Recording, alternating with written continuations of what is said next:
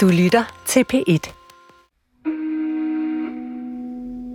Jeg sidder med en udfordring, som handler om ikke rigtig at kunne dele min krop med nogen, ikke? Altså, og her taler jeg ikke kun seksuelt, men også, øh, også bare sådan at være til stede i længere tid sammen og tæt på hinanden. Det jeg vil sige i aften, det kommer til at få store konsekvenser for alle danskere. Der vil komme svære situationer nu for rigtig mange borgere, og der bliver brug for, at vi hjælper hinanden. Alles adfærd bliver helt afgørende. 1, 2, 1, 2. Hvis det havde været en hvilken som helst anden tid, havde jeg siddet i et studie på arbejdet og indtalt det her. Men lige nu sidder jeg i skrædderstilling med en dyne over hovedet derhjemme i min seng. Som alle andre skal jeg ikke gå ud, hvis det ikke er nødvendigt. Det er en usædvanlig tid, det her. Men det er ikke kun ens arbejde, der bliver udfordret i øjeblikket.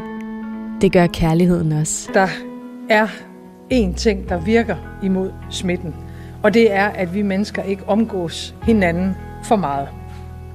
Kærligheden til sin familie og børn. Kærligheden til sin kæreste, kone eller mand. Det var fuldstændig forfærdeligt og frygteligt, og vi er ulykkelige. Næste kærligheden. Det der med, at man ikke må, den går ind og påvirker en meget, synes jeg. Og den erotiske kærlighed. Frustrationen i mit liv lige nu, det går på, at jeg ikke rigtig kan se nogen. Vi er tvunget til at være sammen, og vi er tvunget til at være adskilt. Desværre kan man sige. Kærligheden er stærk, men den bliver sat på prøve, når du pludselig skal være sammen med din kone døgnet rundt. Når du ikke må kysse din nye kæreste. Og når du kun ser dem, du holder af på en skærm. Jeg synes personligt også selv, der er rigtig meget mental sundhed i et godt kram, men... Du lytter til Kærlighed i karantæne. En serie, hvor vi har fundet historier fra hele landet, der alle handler om kærlighed. På den ene eller den anden måde. Ditte, som har måttet aflyse sit bryllup. Mathias, der har slettet alle sine dating-apps, nu hvor han alligevel ikke må mødes med nogen i virkeligheden. Line, som står i et kæmpe dilemma, fordi hendes onkel døde i sidste uge, og nu er hun i tvivl, om hun må komme til begravelsen og vise sin kærlighed til familien. Vi begynder hos Simone, der lige har fået en ny kæreste, som hun så ikke må se.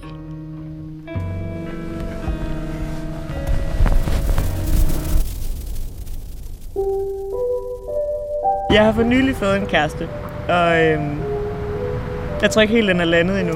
Men øhm, det hjælper selvfølgelig lidt at, at skulle sige det højt her. Men, øhm, men det har jeg. Er der nok afstand imellem os? Ja, jeg kan lige rykke lidt, lidt tilbage. Ja. Jeg hedder Simone og er 28 år gammel.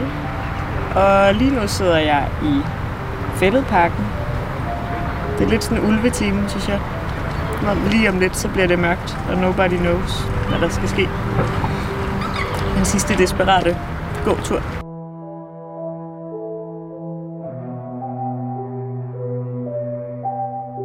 Det er ikke så længe siden, jeg lå derhjemme og stussede over, at mine tanker veksler mellem at tænke på corona og dommedag og ham og 6.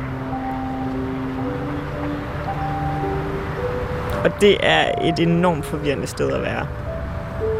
Det meste af tiden, så har jeg jo egentlig bare lyst til at enten ligge i sengen med ham, eller ligge i sengen alene og svømme rundt i tanker om ham.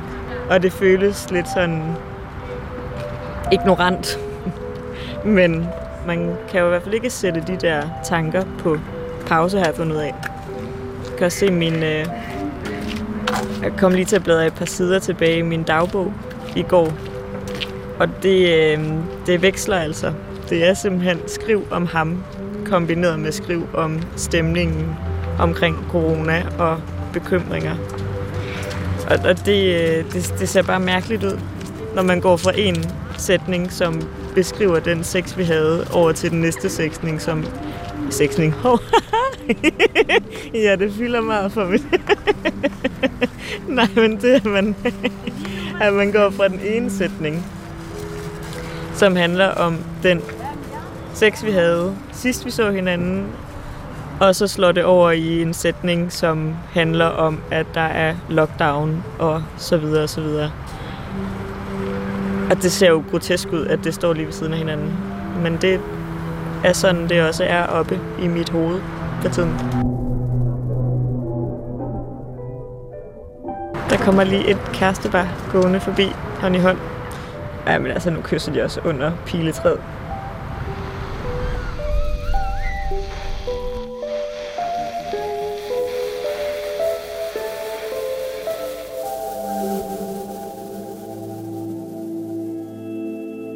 Den fysiske intimitet i betydningen, at man er kroppe i samme rum, er svær, er svær at, øh, er svær at erstatte. Og det har noget at gøre med, at man stemmer faktisk hinanden. Det ved vi også fra, øh, fra min forskning.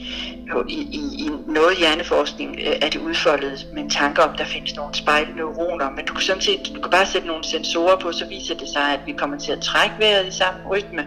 Vores hjerte bevæger sig lidt i samme rytme. Vi har, det sker alt muligt igennem de her øjne, som kigger på hinanden. Spørgsmålet er, om vi kan få den samstemthed ved ikke at sidde i samme rum. Jeg tvivler, jeg tvivler på det. Øh, jeg hedder Anne-Marie Perhus, og øh, jeg er prodekan for forskning på Aarhus Universitet, og jeg er også øh, filosof. Og jeg har skrevet og beskæftiget mig med kærlighedens filosofi i en årrække efterhånden. Man kan sige, at kærlighed har et, et, en vis karakter undtagelsestilstand, men jeg vil sige, det er nok især i forelskelsens form. Der oplever vi, at kærlighed overmander os på en måde, hvor vi øh, ikke kan tænke på andet. Øhm, og vi kan ikke tænke på andet end den, vi længes efter at være sammen med igen, øh, hurtigst, hurtigst muligt. Min krop har lyst til at gå et sted hen, men det sted, den vil hen, er her jo ikke. Øhm, det er kun på telefonen, og det er noget helt andet. Øhm, men det er følelsen af, at der er noget, der ligesom rykker lidt i min krop. Det er den helt samme panik, som jeg forestiller mig, folk har i supermarkederne. Jeg har den bare på den kropslige kontakt. Og det, øh, ja. Så det er min last, apparently. Ikke gær og ikke mælk, men øh, ja, kropskontakt, den er højt på sådan hamstrings to-do-listen.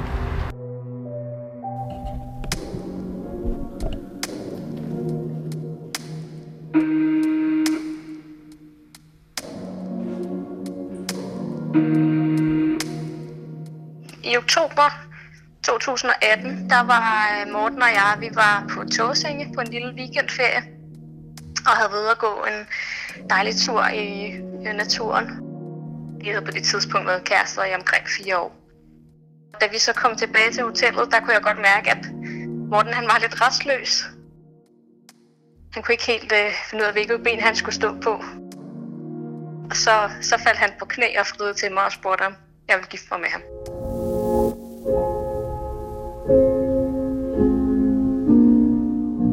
Og det vil jeg selvfølgelig gerne.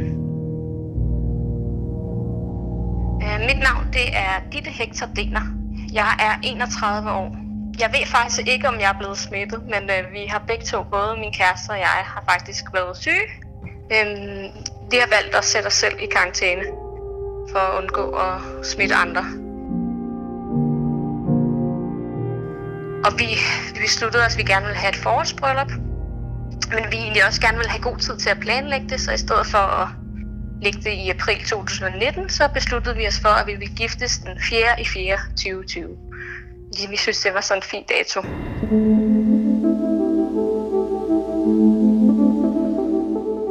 Vi besluttede os egentlig ret hurtigt for, hvad det var for et bryllup, vi gerne ville have. At øh, egentlig så ville jeg helst have haft et bare et lille bryllup, måske bare på Rådhuset, men det betød meget for Morten, at det var lidt større bryllup, hvor vi markerede det her for alle de mennesker, som betyder noget for os. Og derfor besluttede vi os faktisk for, at vi ville holde en ret stor fest, hvor alle i vores omgangskreds skulle inviteres, og det betyder, at vi inviterede 90 mennesker. øhm, til bryllup 4. april 2020.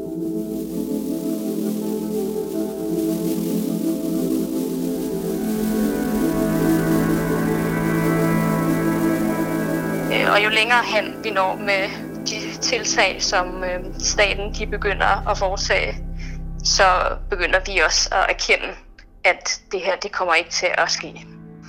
Øh, og det, det var virkelig, virkelig en svær erkendelse. Altså det er næsten sådan, så jeg, jeg på en eller anden måde, uden at, og det lyder næsten lidt forkælet, men det er næsten været sådan en lille soveproces på en eller anden måde, hvor man er gået fra, fra chok og benægtelse til, til accepten, til at nu, nu vil vi også prøve at løse det. Øhm, og vi beslutter så, at, øh, at vi er nødt til at aflyse brylluppet. Mm, det var, det var, det var fuldstændig forfærdeligt og frygteligt, og vi, vi var ulykkelige. Øh, eller jeg, især, især jeg, tror jeg, jeg tror, jeg vil beskrive det som et, altså det er på en eller anden måde tab. Øh, at det er også et kontroltab på en eller anden måde. Øh, det her med, at der sker nogle ting, øh, som er fuldstændig ude af dine hænder. Du kan ikke gøre noget som helst ved det her. Øh, og så er det tabet om den den forventning, vi havde bygget op til øh, den her dag, hvor vi endelig skulle giftes. Vi har, bare, vi har glædet os til det her i halvandet år. Øh, det skulle være årets fest. Det er bare det, det er tabet af, af den der forventningsglæde. Og øh, samtidig med, at jeg faktisk havde helt vildt dårlig samvittighed over at blive så påvirket. Fordi man kan se i verden, der står i flammer, folk der dør, øh, som fluer i Italien og ikke kan få den hjælp, de skal have. Kæmpe økonomiske konsekvenser, det har for folk, og så sidder jeg og græder over et skide bryllup. Altså, øh, det, jeg, jeg kan godt, jeg følte mig både lidt forkælet og lidt overprivilegeret på en eller anden måde. Øh, og samtidig havde jeg bare brug for at være rasende og græde.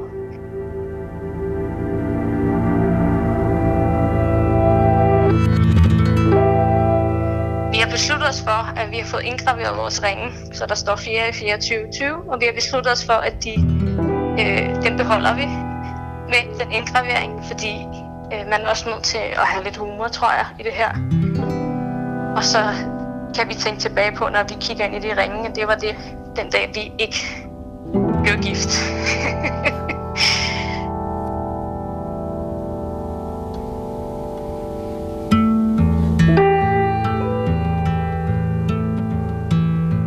Det er, det er et stort tema med forhold mellem kærlighed og sygdom. I første omgang i den form, at øh, man tænker sig, især kvinder kunne blive hysteriske. Altså man, man knytter kærlighed og sindssygdom, eller kærlighed og vanvid sammen. Det gør man helt tilbage fra Platon, der kalder man forelskelsen et, øh, et, et vanvid. Så på den måde bliver man lidt syg af kærlighed.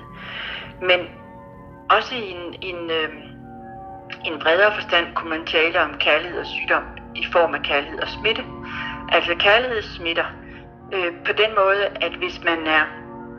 Man kan bare prøve at tænke på, når man selv har været forelsket, at man er så at sige øh, mobiliseret, eller man er, man er labil øh, i, sine, i sine følelser og sine stemninger. Så det betyder, at hvis man er smask forelsket, så er det også ligesom, at hvis vi taler om nu, hvor for, at forårets komme har noget helt specielt, at øh, et træ kan se så indtagende ud, et hus kan se så velafbalanceret og smukt ud, så, man, så, så når man er forelsket, så er det ligesom en skønhedslængsel vagt, og man er, man er enorm, man er på en måde, på, både sådan, at man kun kan tænke på dem, man er forelsket i, men man er også tilbøjelig til at forelske sig i alt muligt, mens, mens man er forelsket. Så man er, man er i gang med at smitte sig selv, øh, man, er, man, er, man har en lille øh, virus, som, som gør, at, at hele, ens, øh, hele ens system er ligesom alarmeret på, på en måde, hvor, hvor alt så, man er dybt modtagelig for, for, for alt, hvad, hvad man møder. Øh, dem, der har oplevet kærlighed, også, har også oplevet savn. Så kærlighed og savn hører sammen. Men kærlighed og længsel hører også sammen. Altså det vil sige, at med kærligheden kommer der også en masse ting ind i billedet, som foregår op i vores hoveder. Og hvad har, hvad har savn med kærlighed at gøre? Der er en forklaring, som, øh, som vi har med os, og som, som rigtig mange film stadigvæk er drejet over, nemlig vi skal ud og finde den eneste ene. Den vi savner, det er den derude, som er bestemt for os. Det vil sige, øh, savnet er en sjælelig størrelse, og som sjælevæsener, så har vi en, en sjæleven derude, som vi skal gå ud og lede efter.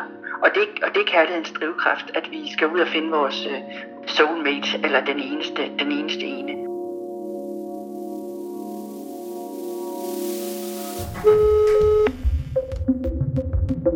Jeg har gået længe nu og tænkt over, om jeg skulle øh, øh, tage konsekvensen af det her, den her isolationsperiode, og jeg rent faktisk bare sådan slette mine dating-apps øh, og mine score-apps fra min telefon.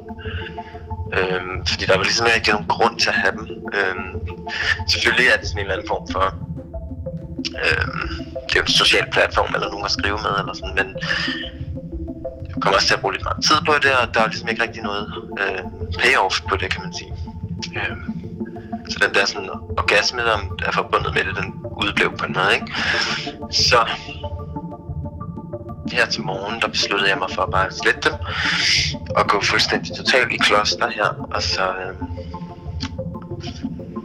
ja, så må jeg jo tage mig af det selv, kan man sige. Ja, jeg hedder Mathias Kryer, og jeg er 42, og jeg er single, og jeg bor på Frederiksberg. Øhm, har været single i, er det tre eller er det fire år? Det er jeg faktisk lidt i tvivl om. Frustrationen i mit liv lige nu, det går på, at jeg ikke rigtig kan se nogen. Se på nogle andre kroppe. Og, og møde nogle hotte dudes. Enten her hos mig, eller hjemme hos dem, eller hvor det nu kan være. Øhm, så ingen dating, ingen sex dating, ingen stimulanser i form af andre kroppe. Det er ligesom det, der er problemet. Hvornår det er slut. Så den der sådan us- uvidshed i forhold til, hvornår man kan gå på sin næste date. altså, man ved sådan set ikke, om det er til sommer, eller om det er til næste sommer. Øh,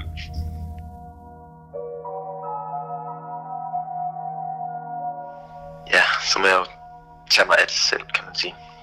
Altså, så et er ligesom at have behov for at se nogle andre mennesker, snakke med nogle andre mennesker. Et andet er sådan helt grundlæggende fysisk behov om at blive bekræftet, eller også at mærke en anden krop mod sin hud, hudsulten, som man taler om, hvis man har været uden kontakt med mennesker for længe. Øhm, sådan noget der. Øhm, og bare sådan at få bare sådan at have en sjov udløsning eller sådan et eller andet, ikke? Som på en eller anden måde er suspenderet jo fuldstændigt. Og det har været sådan en længere proces, og ligesom at nå til den erkendelse, at sådan, okay, fint nok. Prøv at lukke ned for det der. I forhold til at, at træde ind i den der lidt munkeagtige tilstand, så er jeg sådan set også begyndt på sådan at, det ved jeg godt, at koge mine egne linser, ikke? Og koge mine egne kikærter. Øhm, spiser sådan ret spartansk, øh, har et ret sådan spartansk forhold til min krop. Altså okay, i går der drak jeg lige rødvin sammen med nogle veninder på Skype. Men øh, det er også det vildeste, jeg har gjort i en uge, tror jeg. Øh, altså to glas rødvin, ikke?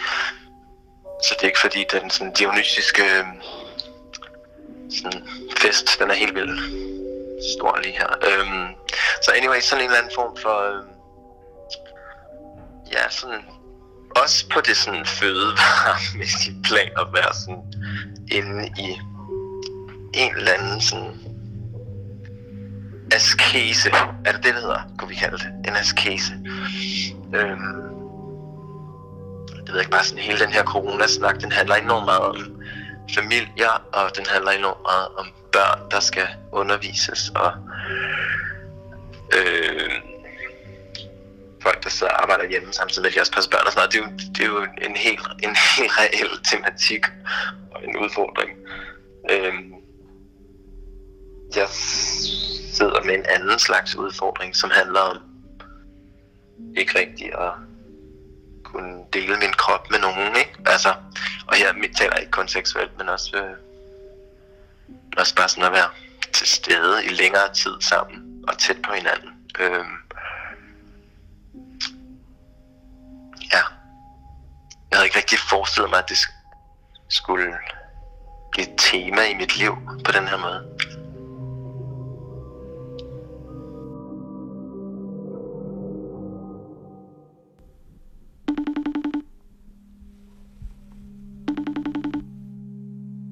For cirka halvanden uge siden, der gik min onkel bort, og nu er der begravelse her på lørdag. Og jeg ved ikke helt, om jeg skal tage med. Jeg hedder Line. Jeg er 26 år gammel, og jeg bor på Midtfyn. Jeg kan ikke finde ud af, om jeg er egoistisk, hvis jeg bliver hjemme, eller om jeg er egoistisk, hvis jeg tager afsted. Det er uanset, hvad for et valg jeg tager, så er det på en eller anden måde det forkerte. Og den er lidt svær at sidde med. Hvis det havde været den anden situation, jeg stod i, hvor jeg skulle til en fødselsdag eller et eller andet andet, så havde jeg blevet hjemme.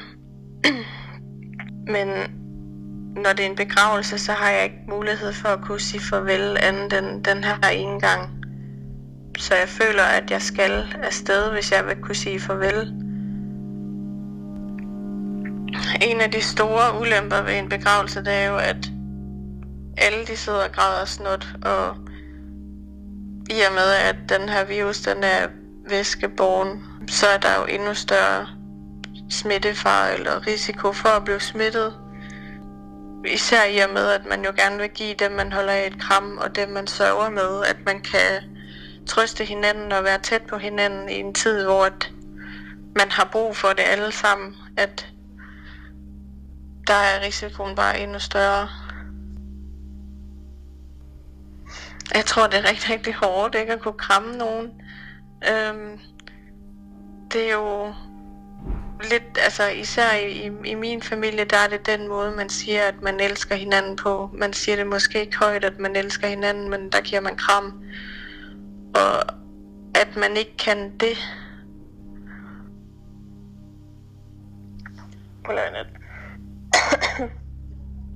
Jeg har faktisk øh, lagt mærke til den her gang, at det der med, at man lige pludselig ikke må røre ved nogen, det faktisk giver sådan hudsult. Fordi førhen, der tænkte jeg ikke over det. Jeg grinede altid af det, når folk de sagde, at ej, jeg dør snart af hudsult. Og, hvor jeg tænkte, ej, nu, nu synes jeg altså, jeg overdriver lidt så svært, at det ikke. Men når man lige pludselig er i en situation, hvor man faktisk ikke må, så kan jeg virkelig mærke det. Fordi normalt så gør man det ubevidst. Man giver et kram til dem, man holder af, når man hilser, eller man giver nogen hånden, når det er, at man møder dem, og at man ikke må det. Altså det, det der med, at man ikke må, den går ind og påvirker en meget, synes jeg. Det, det føles meget ensomt lige pludselig. Jeg har den der sorg der, der ikke kan blive trøstet helt væk, eller hvad man siger, fordi jeg kan jo snakke lige så tosset jeg ved, men det der kram der, det gør altså meget. Du må undskylde, hvis jeg bliver lidt ked af det.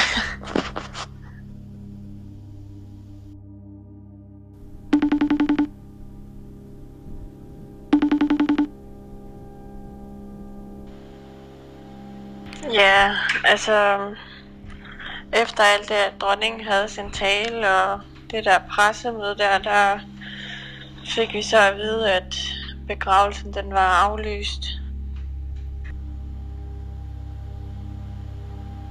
Øhm, jeg fik det at vide over Facebook.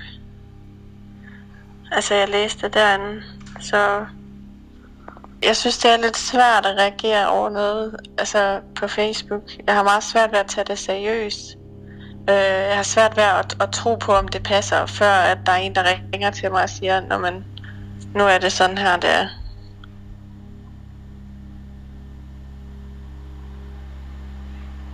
Jeg synes, det er skødt. øhm, og jeg har det rigtig, rigtig svært ved det, det må jeg nok indrømme, fordi jeg føler ikke, at om jeg så sad derhjemme og tændte et lys for ham, og altså, det, det er bare ikke det samme.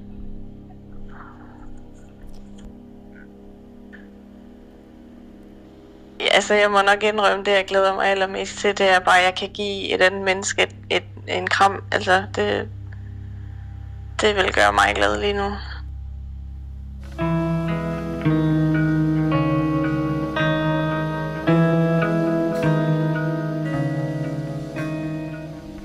Du har lyttet til første program af Kærlighed i karantæne. Programmet er lavet af Nikolas Duop Thomsen, Mads Peter Kynel, Anne Pilegaard Petersen, Mikkel Rønnav, Lukas Francis Klaver og mig, Celine Klint. Rune Spar Gertsen er redaktør. I næste program skal du blandt andre med Anne og Frans. Frans har friet til Anne, og de planlægger, at brylluppet skulle holdes den kommende sommer. Men fordi Anne er terminalt kraftsyg, er de blevet nødt til at rykke brylluppet frem her til foråret. Men så kom coronaen. Vi kan ikke bare gøre det om en måned eller to. Vi ved ikke, hvad der sker med corona. Vi ved ikke, hvad der sker med mig. Det, det, det var så vigtigt, fordi det var den sidste ting, der stod på min liste, som kan lade sig gøre. Og min, min største ønske, det var bare at blive gift med Frans og nå at, at kalde ham min mand, og at vi også nåede at have tid sammen som mand og kone. Hør mere til den historie i næste uge.